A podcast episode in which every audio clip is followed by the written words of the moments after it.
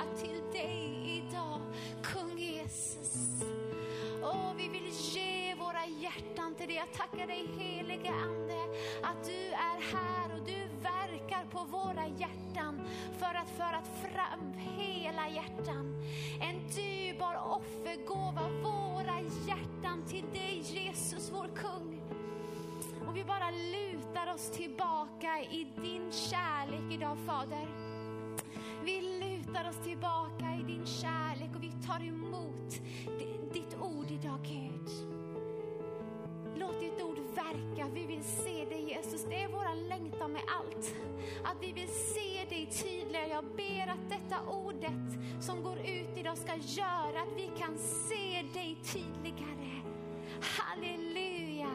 Jag ber om rätt kunskap om vem du är idag. Du ska bara träffa våra hjärtan. Tack Jesus för det. Vi älskar dig, vi älskar dig, vi älskar dig Jesus. Halleluja, halleluja. Halleluja.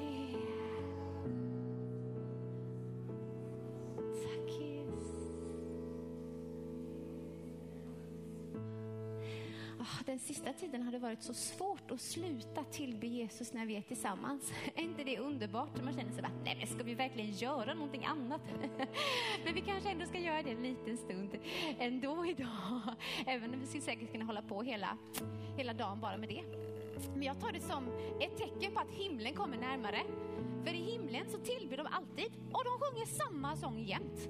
Det är bara sången om Jesus, Guds offerlamm som är så värdig och tack för ditt dyrbara blod. Halleluja. Tack så mycket vänner. Yes. Eh, ja, Gud, han är ju en mästerkommunikatör. Det står att himlarna berättar om hans härlighet. Det står att vem han är, hans makt, hans osynliga egenskaper, de är uppenbara i skapelsen.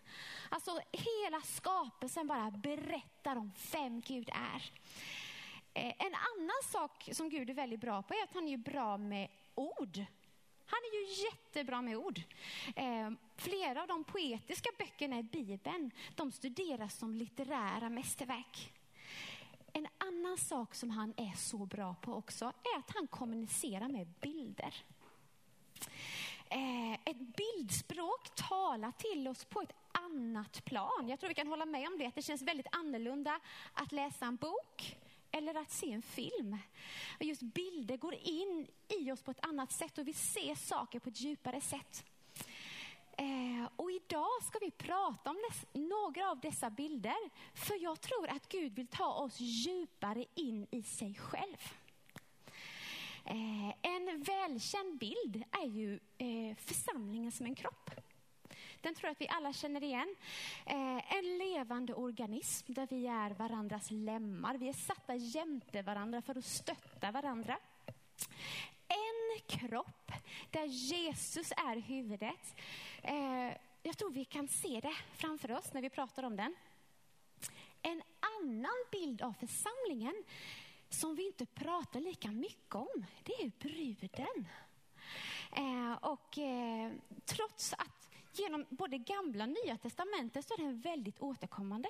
Jag tycker att det är så spännande. Eh, och man kan säga så här att församlingen som en kropp, det är eh, den ordning som Gud vill ha i församlingen. Det är en bild på det. Han vill att vi ska vara en kropp. Han har tänkt att vi ska sitta ihop, att vi ska ödmjuka oss för Jesus och ödmjuka oss för varandra. Vi behöver varandra. Bilden av en brud, den berättar om kärnan och själva livet i församlingen. Det är pulsen och hjärtslagen i församlingen. Ehm, om vi tittar bara liksom helt eh, liksom, osubjektivt, heter det inte? Objektivt, tack ska du ha. Om man tittar objektivt på bilden av en brud, vad ser vi då? Ja, men då ser vi så här, om det finns en brud, då finns det en brudgum. Och finns det en brud och, brud och en brudgum, då finns det också ett åstundande bröllop. Eh, Paulus säger så här i andra Korinthierbrevet 11, 1-2 om ni ändå kunde stå ut med lite dårskap från min sida. Visst står ni ut med mig eftersom jag brinner för er med en iver från Gud. Jag har trolovat er med en enda man, Kristus, och vill föra fram en ren jungfru inför honom. Här talar Paulus till församlingen i Korint och han talar till våran församling idag, församlingen över världen. Han säger så här, församlingen har lovat sitt hjärta till Jesus. Med ett löfte är hon bunden till sin man Jesus som är huvudet för församlingen. Och Paulus brinner med en sån stark iver att människor tycker att han är knäpp. Ehm, men hans hjärta det brinner så för att utrusta församlingen och, ut och föra fram en ren brud inför Jesus. Definitionen av en jungfru är ju då en kvinna som inte har varit tillsammans med en man. Kanske du tycker att det är lite obekvämt att prata om sex på ett söndagsmöte och det kanske jag tycker också. Men vi ska inte göra det superlänge. Men det är bara en viktig del i den här bilden som Gud målar upp för att vi ska förstå den intima relationen som Gud vill ha med sin församling. Det är en förening, hans hjärta med våra hjärtan till ett. Eh, och bruden är någon som är helt trogen sin brudgum. Medan hon väntar på bröllopet så går hon inte till andra män. Hon söker inte någon annanstans utan hon bara, jag har bara en. Jag har bara en, det är Jesus. Han räcker för mig. Jag söker inte denna världen. Jag har inga andra källor. Jag går bara till Jesus för trygghet, för glädje och stabilitet. Och hon väntar på sin man. Låt oss vara glada och jubla och ge honom äran. För lammets bröllop har kommit och hans brud har gjort sig redo. Det här kan vi läsa i Uppenbarelseboken 19. Och lammet som det står om här, det är Jesus brudgummen och lammets bröllop är Jesu återkomst. Eh, då han kommer för att hämta sin brud. Och vi kan ha många associationer till Jesu återkomst. Vi kan plopp, plopp, plopp, plopp, ploppa upp alla möjliga saker när vi tänker på det. Eh, och vi kan prata mer om det en annan gång, men man kan säga så här, på det stora hela så är Jesu återkomst alla löftens uppfyllelse. Då hela Guds plan bara går i lås. Det här var min tanke med allt, säger Gud. Eh, och hela denna boken pekar mot detta enda, att han, han kom och han kommer igen. Um, och då får vi vara med honom för alltid. Och det här är brudens längtan, hennes hjärta och bön. Att få vara med sin eh, brudgum. Och faktiskt är det så att alla löften i Bibeln bara pekar mot detta, mot gemenskap. Man kan ju tänka så här, men vi kan använda de här löftena åt alla möjliga håll. Eh, och det kan vi nog få göra också. Men alla löftena pekar mot detta enda, gemenskap mellan Gud och människa, en relation. Eh, jag tror att den här bilden av, av en brud och en brudgum är något vi alla kan förstå. Även om du är en man eller om inte du är gift, så tror jag att vi kan se den här intima längtan mellan en brud och en brudgum som ska gifta sig. Eh, av gemenskap som aldrig tar slut. då behöver inte jag gå hem på kvällen, utan jag får sova nära dig. Det finns inget avbrott, utan vi är alltid med varandra.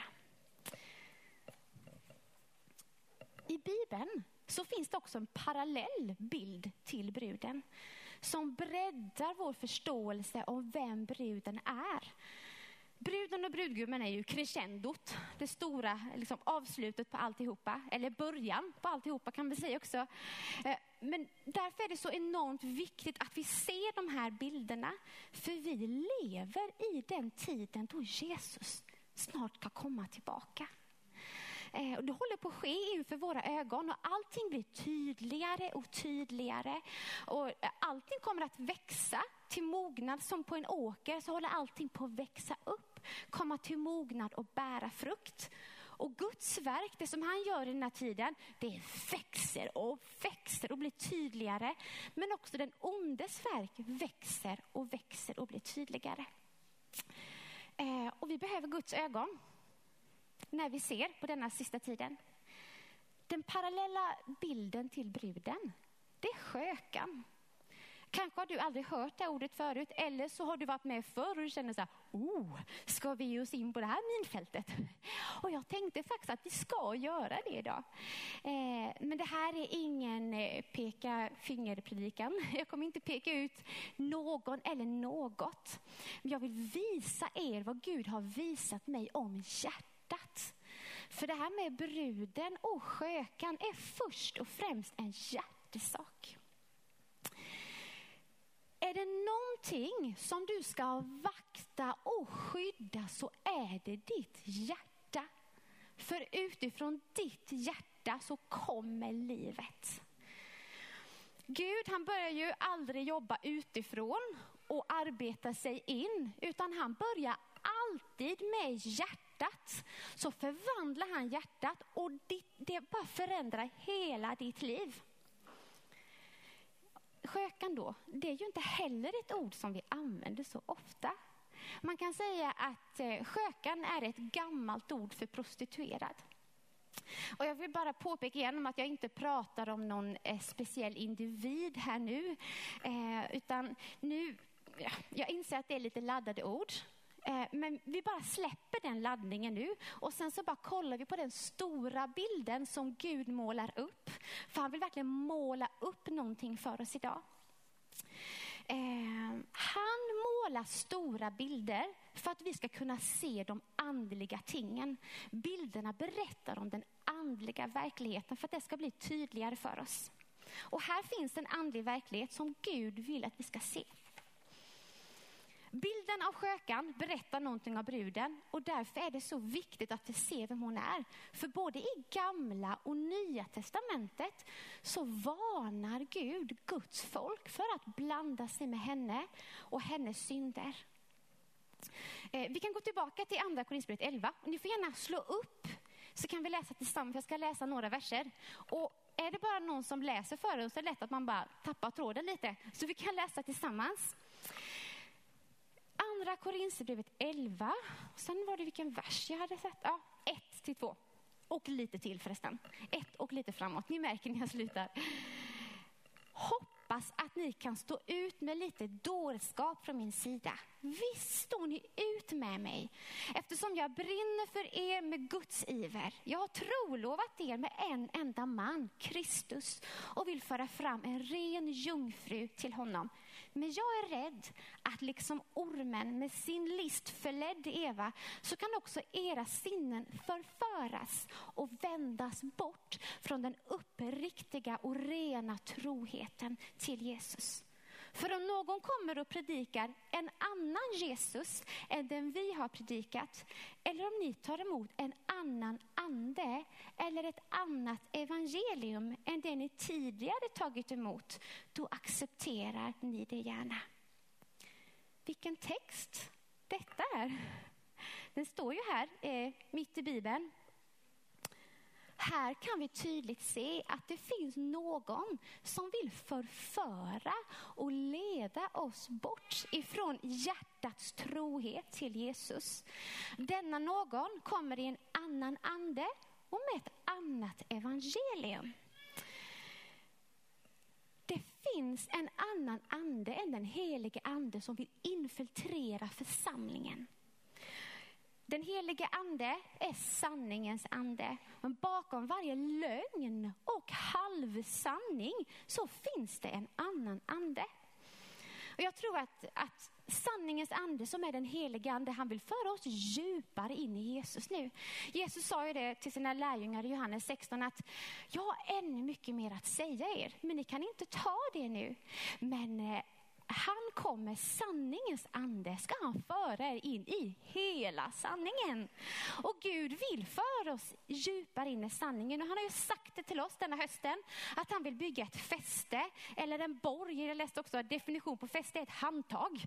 Ett handtag för sanningen här i våra hjärtan, i församlingen och i denna staden. Och vi behöver se vissa saker tror jag för att detta ska kunna ske. Ibland kan det bli jobbigt när man ser saker för vad de är. Eh, men vi behöver inte vara rädda.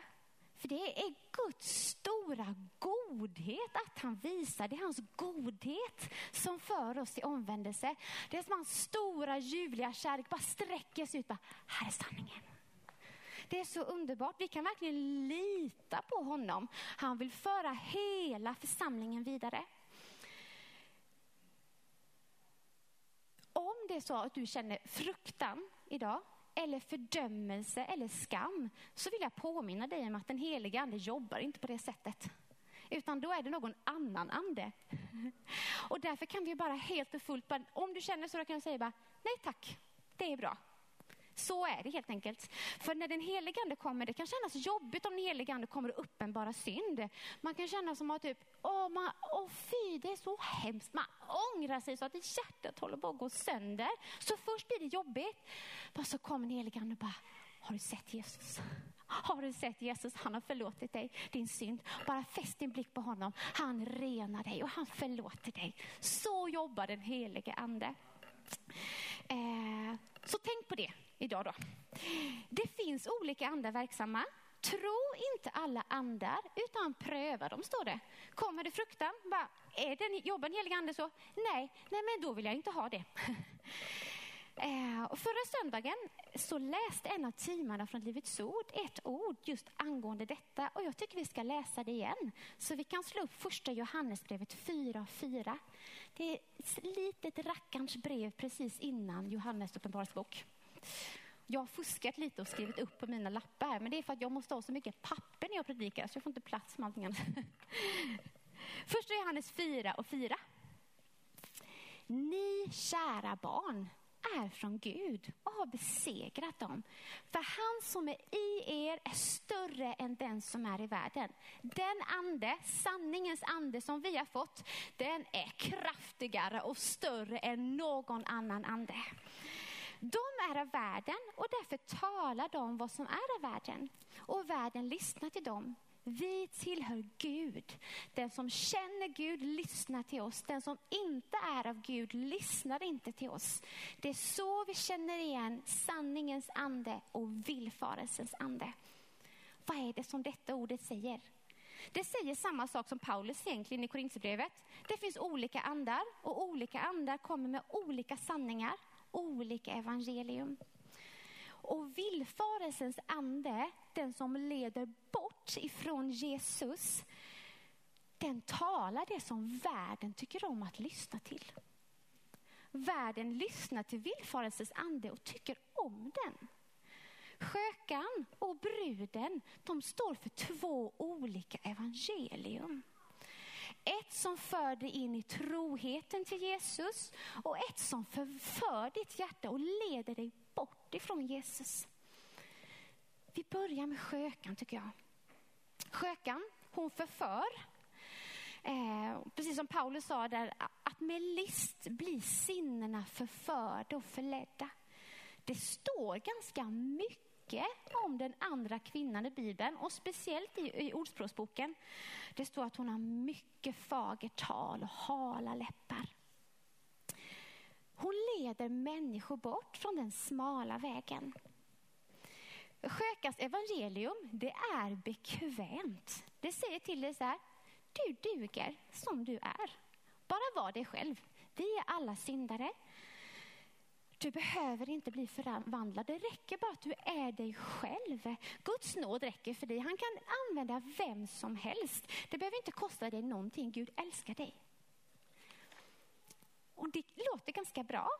Eller hur? Det finns liksom inga uppenbara så bara, fel. Men det finns ingen frihet i det här. För det finns inte sanning i det. Det är ett uppblandat och uppluckrat evangelium med halvsanningar eller sanningar liksom tagna ur sitt sammanhang. Är ni med på vad jag menar? Evangeliet som berättar vad Jesus gjort, det är Guds kraft till frälsning. Kan vi läsa Romarbrevet 1 och 16. Den kraften som frälser, liksom den finns i evangeliet. Om vi lägger till eller drar bort så tappar evangeliet sin kraft att frälsa. Att berätta för någon att Jesus älskar dig, det är fantastiskt. Det borde vi göra jämt. Alla behöver få höra om Guds stora kärlek. Men det är omöjligt för en människa att komma till Jesus utan att bli förvandlad. Det går inte. Ingenstans i Bibeln kan vi läsa att du duger som du är, bara var dig själv. Däremot så kan vi läsa så här, Gud älskar dig som du är. Och det är en sån stor skillnad. Och det ligger sån stor frihet i det. Det är inte så här bara, okej, okay, jag godtar dig. Du duger. Jag skulle egentligen vilja ha en annan spelare i mitt lag, men okej, okay, du får vara med. Tänk att få den domen över sig. Men istället säger Gud så här, jag älskar dig, kom till mig så ska jag visa dig vem du är. Skökans bekväma världsliga evangelium, det passar människan jättebra. För det är ungefär vad en människa klarar av i egen kraft. Det funkar ju faktiskt utan Gud. Ett mänskligt evangelium. Men det liknar ingenting av det vi kan läsa i Bibeln. Detta evangeliet må vara ganska skönt och klappa oss lite medhårs. Men det leder oss bara in i ett liv av religion. Och religion, det är ett hårt liv. Det står i Jesaja 47 hur skökan hon lägger tunga bördor på människor. Eh, vi kan läsa i Matteus 11, 28, ett sån här underbart härligt favoritbibelord. Det är Jesus som pratar med oss. Han säger så här, Kom till mig, alla ni som arbetar och är tyngda av bördor, så ska jag ge er vila. Ta på er mitt ok och lära mig, för jag är mild och ödmjuk i hjärtat. Då ska ni finna ro för era själar, för mitt ok är milt och min börda är lätt. Det är så underbara verser. Man liksom ser Guds milda, härliga, barmhärtiga hjärta som sträcker sig ut till oss människor. Det här ordet tar vi gärna som ett tröstord när livet känns tungt eller stressigt. Jag tror att vi kan få göra det. Men det är också så viktigt att vi läser ordet i sitt sammanhang. Och de tunga bördor som Gud vill hjälpa oss med här, det är faktiskt religionens tunga bördor. Religion kräver av dig det liksom mäter det på en måttstock. Jaha, är du, bara, är du bara där? Jag trodde du skulle vara här nu. Du måste nog försöka lite hårdare. Och det värsta av religion, eller det värsta av allt med religionen är att du måste göra det själv. Du har bara din egen kraft till att göra det här höga, stora. Det är fruktansvärt. Som Knut säger, du får göra det själv. Det låter roligt men det är hemskt. Ett liv där man bara har sig själv. De här, det är de här tunga bördorna som Jesus vill lyfta från oss. Och känner du att livet med Gud, att relationen med honom är som en stor tung börda, så vill han lyfta dem idag ifrån dig. Då kanske du säger så här, vad fint av dig Klara, men det vet vi redan. Och då säger jag så här, men vad härligt. Men det är en sak att veta, men hur lever vi våra liv? Lever vi som att vi är vår egen styrka? Lever vi vårt liv så likt den här världen att det liksom inte syns någon skillnad? Lever vi med skam? Med prestation? Lever vi med egen rättfärdighet? Där vi tänker så här, oh, men denna söndagen, då kommer, då, då kommer nog Gud möta mig. För att jag har ju faktiskt läst Bibeln måndag, tisdag, onsdag, torsdag, fredag, lördag, söndag.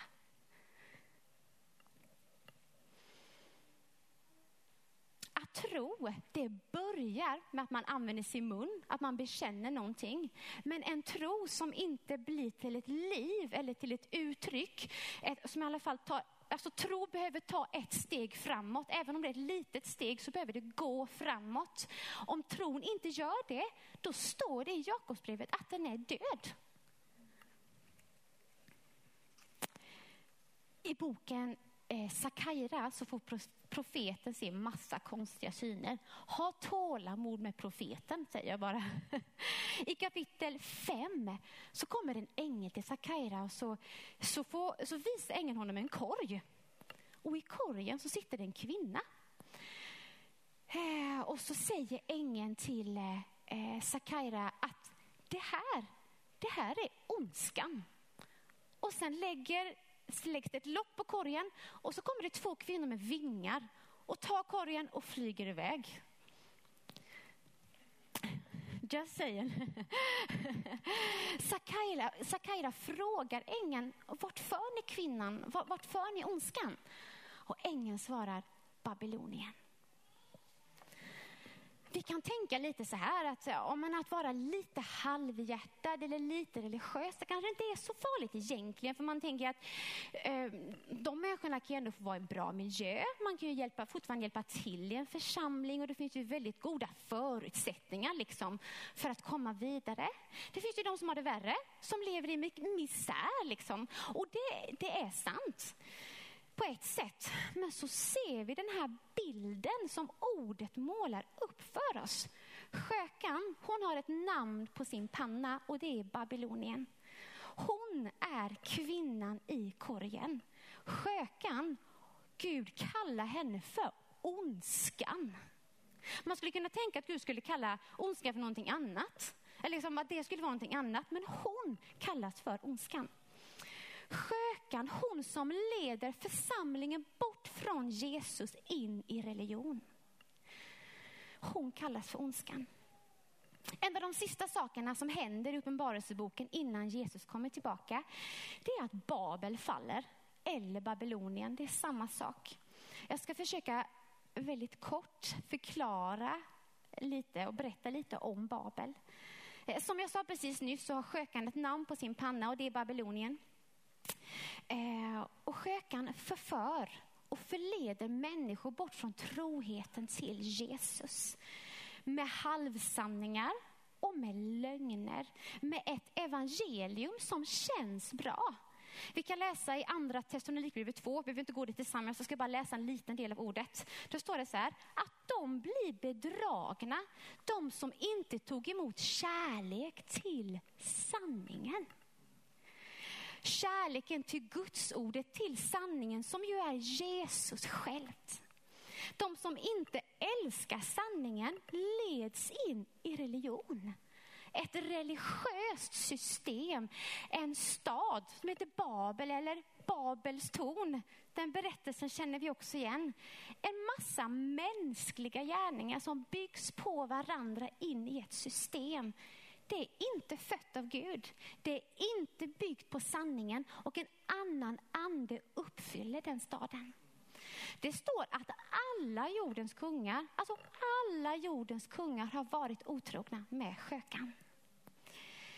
Nu kan vi slå upp tillsammans Matteus 21 och 12.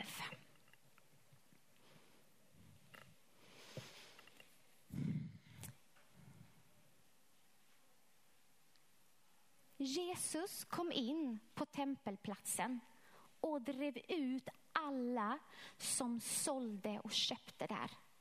Han slog omkull borden för de som växlade pengar och bänkarna för de som sålde druvor och sa till dem, det är skrivet. Mitt hus ska kallas ett bönens hus, men ni har gjort det till ett rövarnäste. Så här blir det i Babel, dit skökan leder, ett rövarnäste där vi handlar med Gud. Vi gör saker för att få saker. Vi handlar med varandra, vi upphöjer vissa människor och ser ner på andra. Vi handlar med saker som inte går att köpa. Som man bara kan ta emot genom nåd i tro. Och jag hörde en annan röst från himlen säga, gå ut från henne, mitt folk, så att ni inte tar del i hennes synder och drabbas av hennes plågor. Detta kan vi läsa i Uppenbarelseboken 18.4. Visst hade det varit så skönt om du stod så här. Alla ni som är i världen, gå ut ur henne. Alla ni som inte har bekänt Jesus som er Herre, gå ut ur henne. Men det står ju inte det. Utan det står ju att han, det står mitt folk. Det gäller hans folk, det gäller oss. Det gäller församlingen, det är församlingen som hon vill förleda. Vi skulle kunna expandera denna bilden djupare och läsa mer, eh, men jag tror inte vi ska göra det nu, utan nu ska vi prata om bruden. Vi går tillbaka till Uppenbarelseboken. Eh, kapitel 21 och vers 9. Eh, Uppenbarelseboken kan ibland vara, eller det är en, en knepig bok. Men desto mer vi förstår av Guds bildspråk, desto lättare kan vi se den bilden som han målar upp. Det står så här i vers 9. Kom, jag ska visa dig bruden, lammets hustru. Och han förde mig i anden upp på ett högt berg och visade mig den heliga staden Jerusalem som kom ner från himlen från Gud och som ägde Guds härlighet. Dess härlighet strålglans var som den dyrbaraste ädelsten, som en kristallklar jaspis. Här ser vi också bruden liknas som en stad, precis som skökan. Visst är det intressant? Vi kan läsa om staden i Babel i kapitlet innan. Att, ehm, att stad, den här staden var också fylld med vackra saker, med dyrbara saker. Med marmor, med olja och eh, dyrbara kryddor. Med myrra och träslag och dyrbara tyger och massa, massa grejer. Men det dyrbara i den himmelska staden är Guds egen härlighet. Guds härlighet är dyrbarare än någonting annat som finns på denna jorden eller som vi kan skapa. Jesus, du är mer dyrbar än silver, mera värd än guld. Inget i den här världen kan mätas med Guds härlighet. Allting skapat berättar om Gud, men bara skaparen själv är värd våra hjärtan och vår tillbedjan. Nu ska vi gå till Efesierbrevet 5 och 27.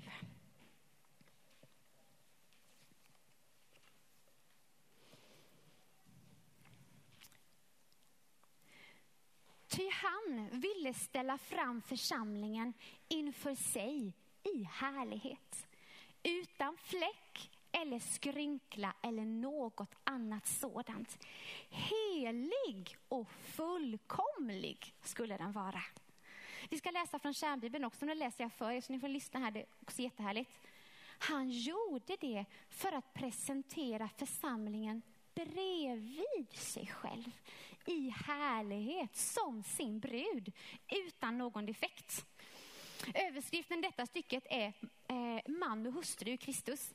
Till synes så handlar det om någonting annat än församlingen. Eh, men här ser vi Gud måla bilder igen och så lite mot slutet så stoppar han in så här. Denna hemlighet är stor. Jag talar om Kristus och församlingen. Wow, hemligheten mellan bruden och brudgummen är stor. Det som Gud har tänkt med äktenskapet på den här jorden, föreningen mellan man och kvinna, det är en, en förebild på på församlingen och Jesus, deras relation. Det är så vackert. Jag är din och du är min. Alltså förstår ni att Jesus, han ger sig själv. Kungars kung och herrarnas herre. Han ger sig själv till oss. Jag vill vara din, vill du vara min? Det står att Jesus vill att församlingen inte ska ha någon fläck eller skrynkla. Och det står så på flera andra ställen eh, i Bibeln. Helig och fullkomlig ska den vara. Men vad betyder det? Tillbaka till Uppenbarelseboken. Kapitel 14 och vers 4. Här står det om lammet som ju är Jesus på Sions berg. Och om en stor skara som står och lovsjunger honom. Det är de som inte befläckat sig med kvinnor. De är jungfrur, dessa som följer lammet vart som än går. De är friköpta från människorna som en förstlingsfrukt åt Gud och lammet. I deras mun har det inte funnits någon lögn. Okej, okay, nu får vi zooma ut igen och se på bildspråket igen, på den stora bilden. Kommer ni ihåg Paulus? Han som har trolovat församlingen med en enda man en jungfru. En jungfru är någon som inte gått i förbund med någon annan. Hon väntar sin man från himlen. Den här skaran, bruden, de har inte befläckat sig med något annat förbund. De har inte sökt i den här världen.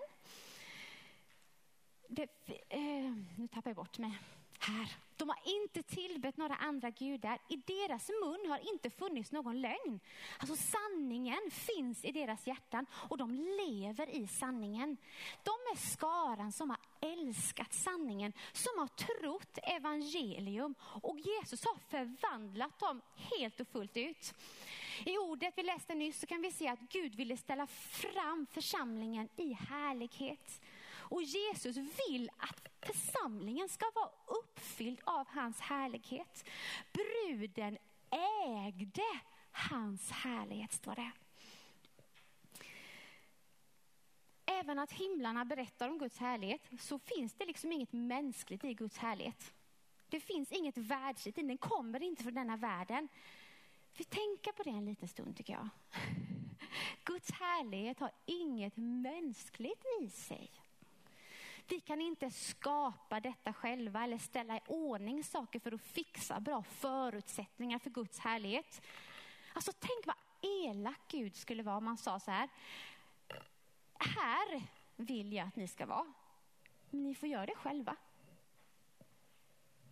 Jag vill att ni ska vara fullkomliga, att ni ska förvandlas till min avbild och äga min härlighet. Jag tror att vi nästan, det är så vi kan leva ibland. Som vi tänker som att det är vår egen kraft som skulle producera det. Men det är ju omöjligt. Istället, så Guds, att Guds härlighet uppfyller församlingen, det kan bara ske genom Jesu blod.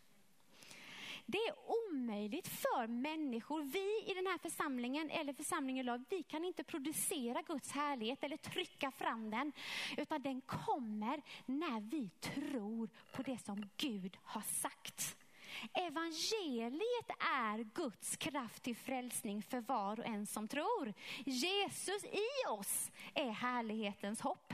Ingen lögn, ingen halvsanning, inget världsligt, bara sanningen. Att vi tror på vad Gud säger, att vi bara, okej okay, Gud, har du sagt det, då tänker jag leva det.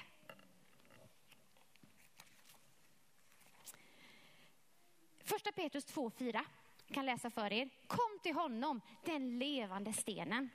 Som visserligen är förkastad av människor, men som är utvald och dyrbar av Gud, inför Gud.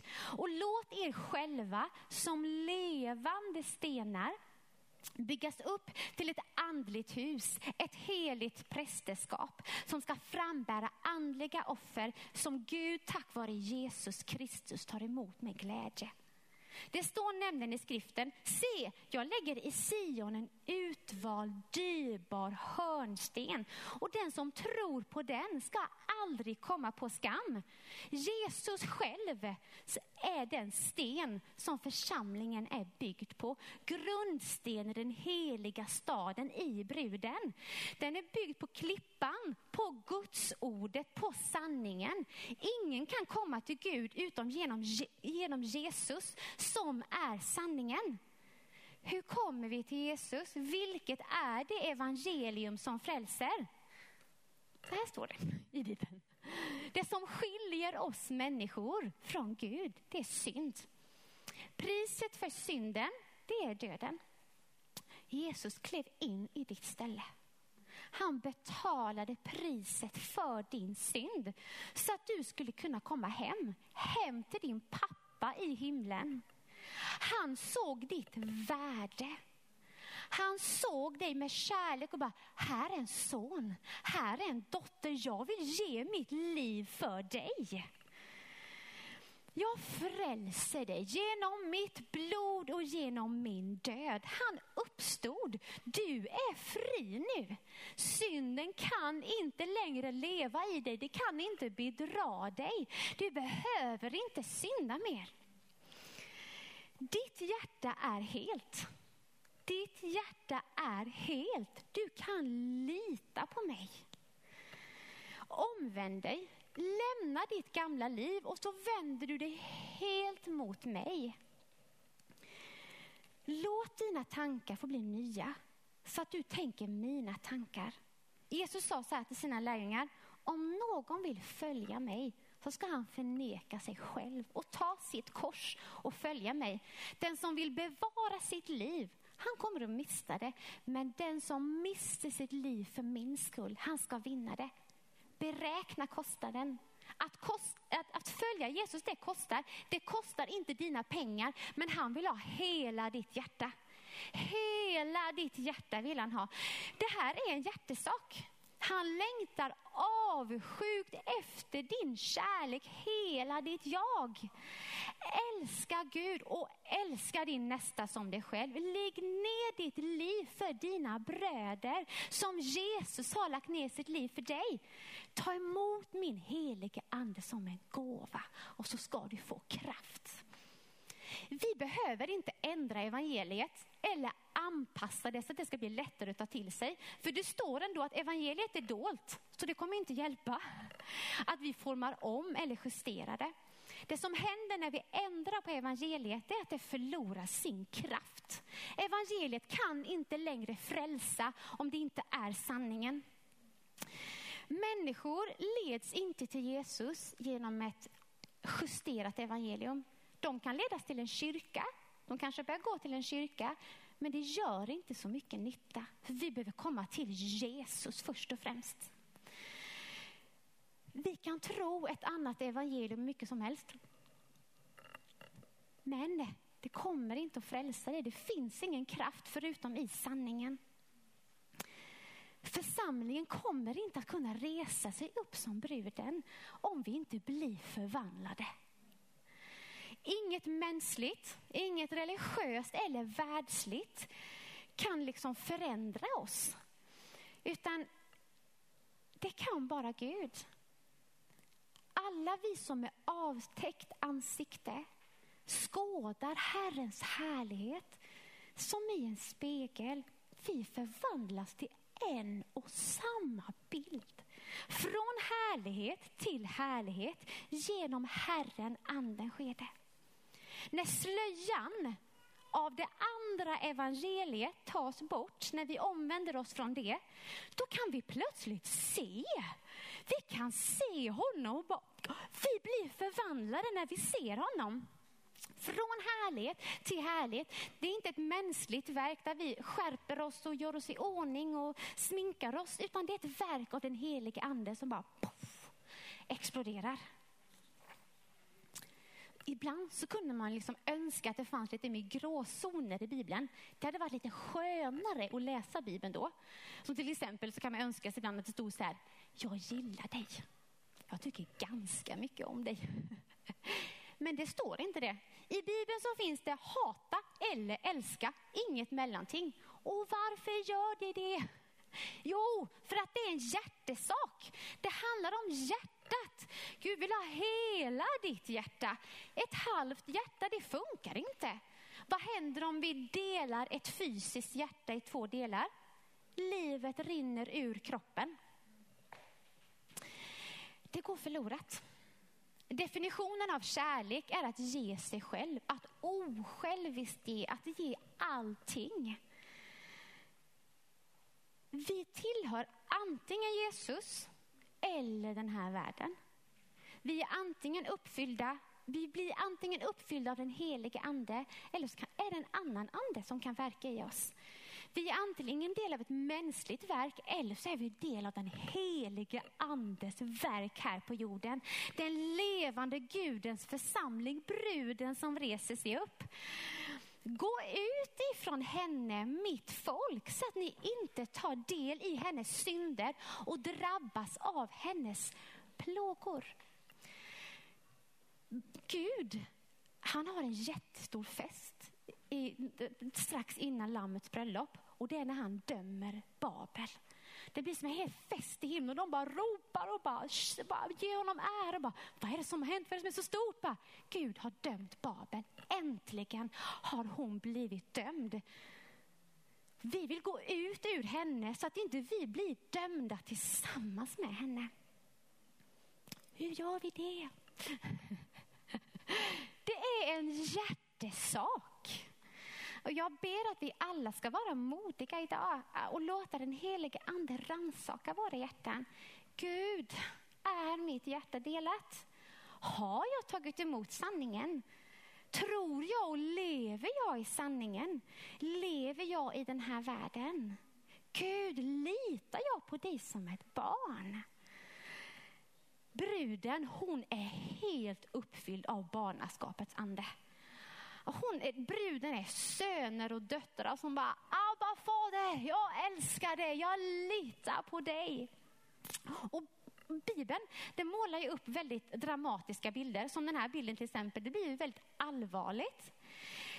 Men när det kommer till lösningar i Guds rike så är det alltid så enkelt. Och det är det jag älskar så mycket med Guds rike. Det är inte högt, det är inte komplicerat, det är inte svårt. Det är inget tolvstegsprogram med utslussning. Det är så lätt att det verkar dumt. För detta budskap om korset är en dårskap för de som blir förtappade. Men för oss som blir frälsta är det en Guds kraft. Lösningen är alltid Jesus, det är alltid korset, det är alltid att tro som ett barn och lita på Gud.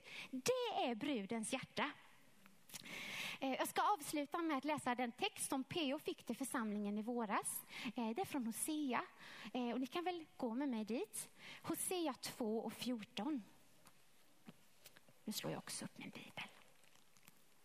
Hosea är en av profeterna mot slutet av Gamla testamentet. Vi får se vem som hittar, hittar honom först, eller på säga. Där var han.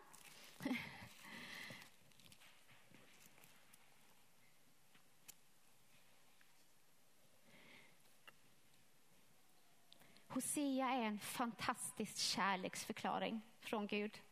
Om du någon gång liksom skulle känna dig ovärdig och värdelös, bara ta fram och läs Hosea så ska du se vad Gud, hur Gud känner inför ovärdiga och, och eh, liksom svåra människor. Han är så god. Vers 14. Därför ska jag locka henne bort och föra henne ut i öknen och tala till hennes hjärta. Tala till hennes hjärta, det är en hjärtesak. Sen ska jag ge henne tillbaka hennes vingårdar och göra Akons dal till ett hoppets port. Där ska hon sjunga som i sin ungdomsdagar. Hon ska tillbaka till den första kärleken. Som på den dagen då hon drog upp ur Egyptens eh, land. Det ska ske på den dagen, säger Herren, att du ska kalla mig min man och inte mer kalla mig min bal. Balernas namn ska jag ta bort ur hennes mun så att man inte mer ska komma ihåg dess namn. Nu kan vi hoppa till vers 19. Jag ska trolova dig med mig för evig tid. Ja, jag ska trolova dig med mig i rättfärdighet och rätt, i kärlek, barmhärtighet. Jag ska trolova dig med mig i trohet och du ska så känna Herren. Gud, han har tagit sin församling ut i öknen. Vi är i öknen. Ja, om inte du har märkt det så då säger jag till dig, vi är i öknen. Och han vill tala till sin församling. Han säger så här, kom tillbaka till mig. Jag vill vara din man. Kom ut ur Babel så inte du blir dömd. Tro evangelium och våga lita på att jag är den jag säger att jag är. Du min sköna brud, res dig upp nu. Det är din tid. Res dig upp i min kraft och i min härlighet. Stå upp och var ljus. För ditt ljus kommer och Herrens härlighet går upp över dig. Mörker övertäcker jorden men över dig ska Herrens härlighet Eh, uppenbaras. Alltså, låt oss ta detta på allvar och låt den helige ande bara leda oss in i hela sanningen. Den helige ande är här idag för att leda till omvändelse och för att förnya våra tankar så att vi ser vilka vi är i Jesus. Så vi kan förvandlas till hans söner och döttrar. Vi omvänder oss idag från allting som heter religion. Vi vill inte ha någonting att göra med den andra kvinnan. Vi omvänder oss från otro. Jag tror att ibland är det det som står i vägen för att vi vågar inte tro på evangeliet. Vi vågar inte tro att det är så bra och så fantastiskt som vi läser. Men vi omvänder oss från otro och vi vågar tro. Vi bara kastar oss ut i Guds kärlek, i hans stora nåd. Kanske du känner det så här att eh, det känns lite knepigt det här med att älska som bruden, att bruden ska älska eh, brudgummen. Var inte orolig för det. För när du väljer att tro evangelium, då blir vi fria. Och i den friheten så bara kommer kärleken när vi ser bara, men hjälp, är det det här du har gjort Jesus? Då kommer kärleken bara flödar ut till brudgummen, till kungen. Ja, jag läste någonstans, detta, jag kommer inte ihåg vad det var, kanske var det Facebook, men det stod typ så här. När vi ser oss själva som bruden så kommer vi att kunna se brudgummen. Och det här handlar ju inte om att vi säger bara, okej, okay, nu föreställer jag mig själv i en slöja och en vit klänning. Det är inte det det handlar om. Utan det handlar om att vi ska se på oss själva genom Jesu blod. Se på oss själva så som han gör. Så länge vi ser på oss själva som syndare, som bara som vi kämpar och håller i. Eh, vi ser skam och skuld. Då ser vi inte heller brudgummen. För hur skulle vi kunna stå jämte brudgummen? Vi som är så syndiga och så hemska. Men när vi ser vad Gud har gjort för oss Alltså när vi ser hur han har kallat på oss, han har renat oss, han har förlåtit oss, han har klätt oss i sin rättfärdighets vita klädnad. Då är det någonting som bara reser sig upp på vår insida. Hur han har adopterat oss in i sin familj och gett oss sin auktoritet. Då händer något i vårt hjärta. Där kommer kärleken, då ser vi hans kärlek. Då kommer vi kunna se brudgummen.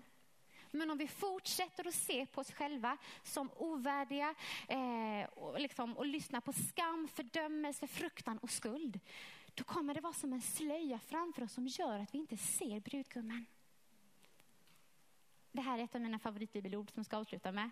Eh, från första Johannesbrevet står det så här, och vi har lärt känna den kärlek som Gud har till oss och vi tror på den. Gud är kärlek och den som förblir i kärleken förblir i Gud och Gud förblir i honom. Jag tror att bruden håller på att resa sig upp i vår församling. Och jag jag tror vi ska bara ta en stund inför Guds ansikte där vi bara faktiskt kan prata med den helige ande. Där vi bara kan be honom att komma med sitt ljus och bara visa eh, och be att han ska uppfylla oss med barnaskapets ande. Gud, om, hjälp min otro. Hjälp mig att tro att jag är ren, att jag är fri, att jag är helig och fullkomlig i dina ögon. För då kommer vi kommer att kunna se brudgummen då. Och hans kärlek är så underbar, starkare än döden, står det i Höga Visan. Orkar ni spela lite? Mm.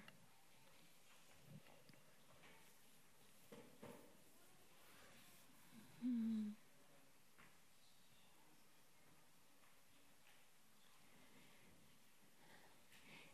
Jesus, vi vill bara säga till dig att vi hör vad du säger. Vi hör din befallning om att gå ut ur henne så att ni inte blir dömd tillsammans med hennes synder. Vi hör dig och vi bara ber Jesus att du ska leda oss. Du leder våra hjärtan ut ur Babel, ut ur skökan och in i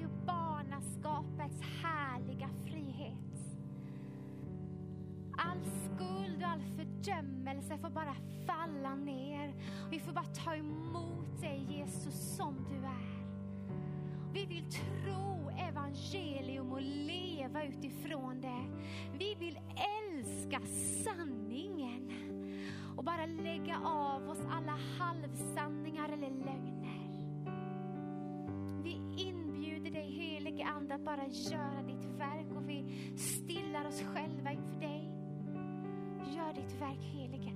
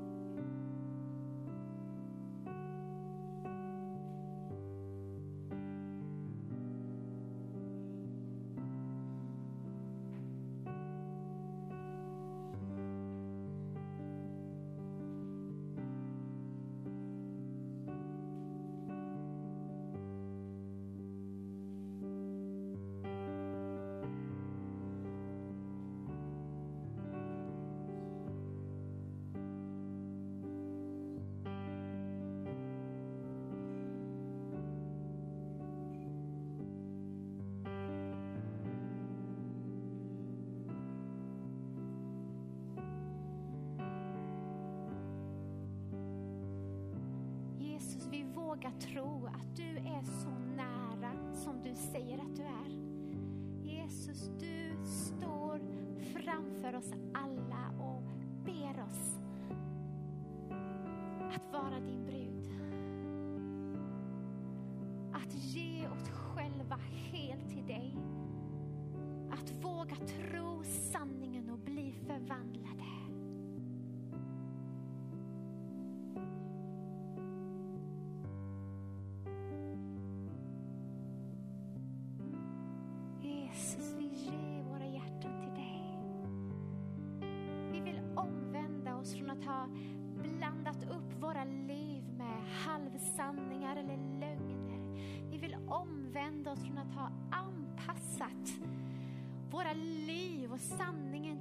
här världen. Tack att du renar oss. Du renar oss från varje lögn i våra sinnen när vi bara tar emot ditt ljus.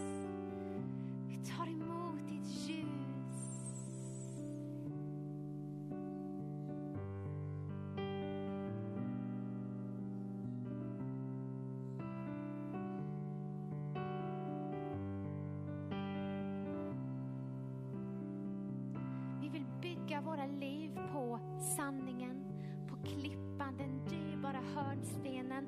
Vi vill att våra liv ska bara sättas in som levande stenar i Herrens stad. I bruden som ska växa fram i denna sista tiden vill vi resa oss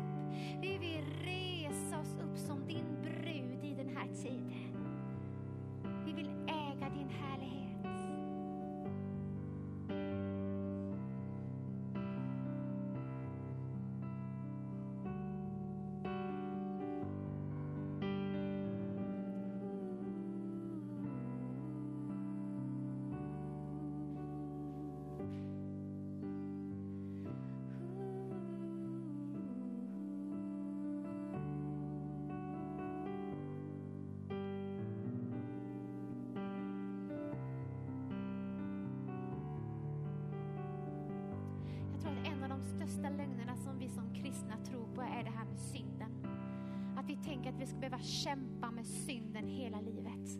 Det är en sån lögn. Det är en sån lögn.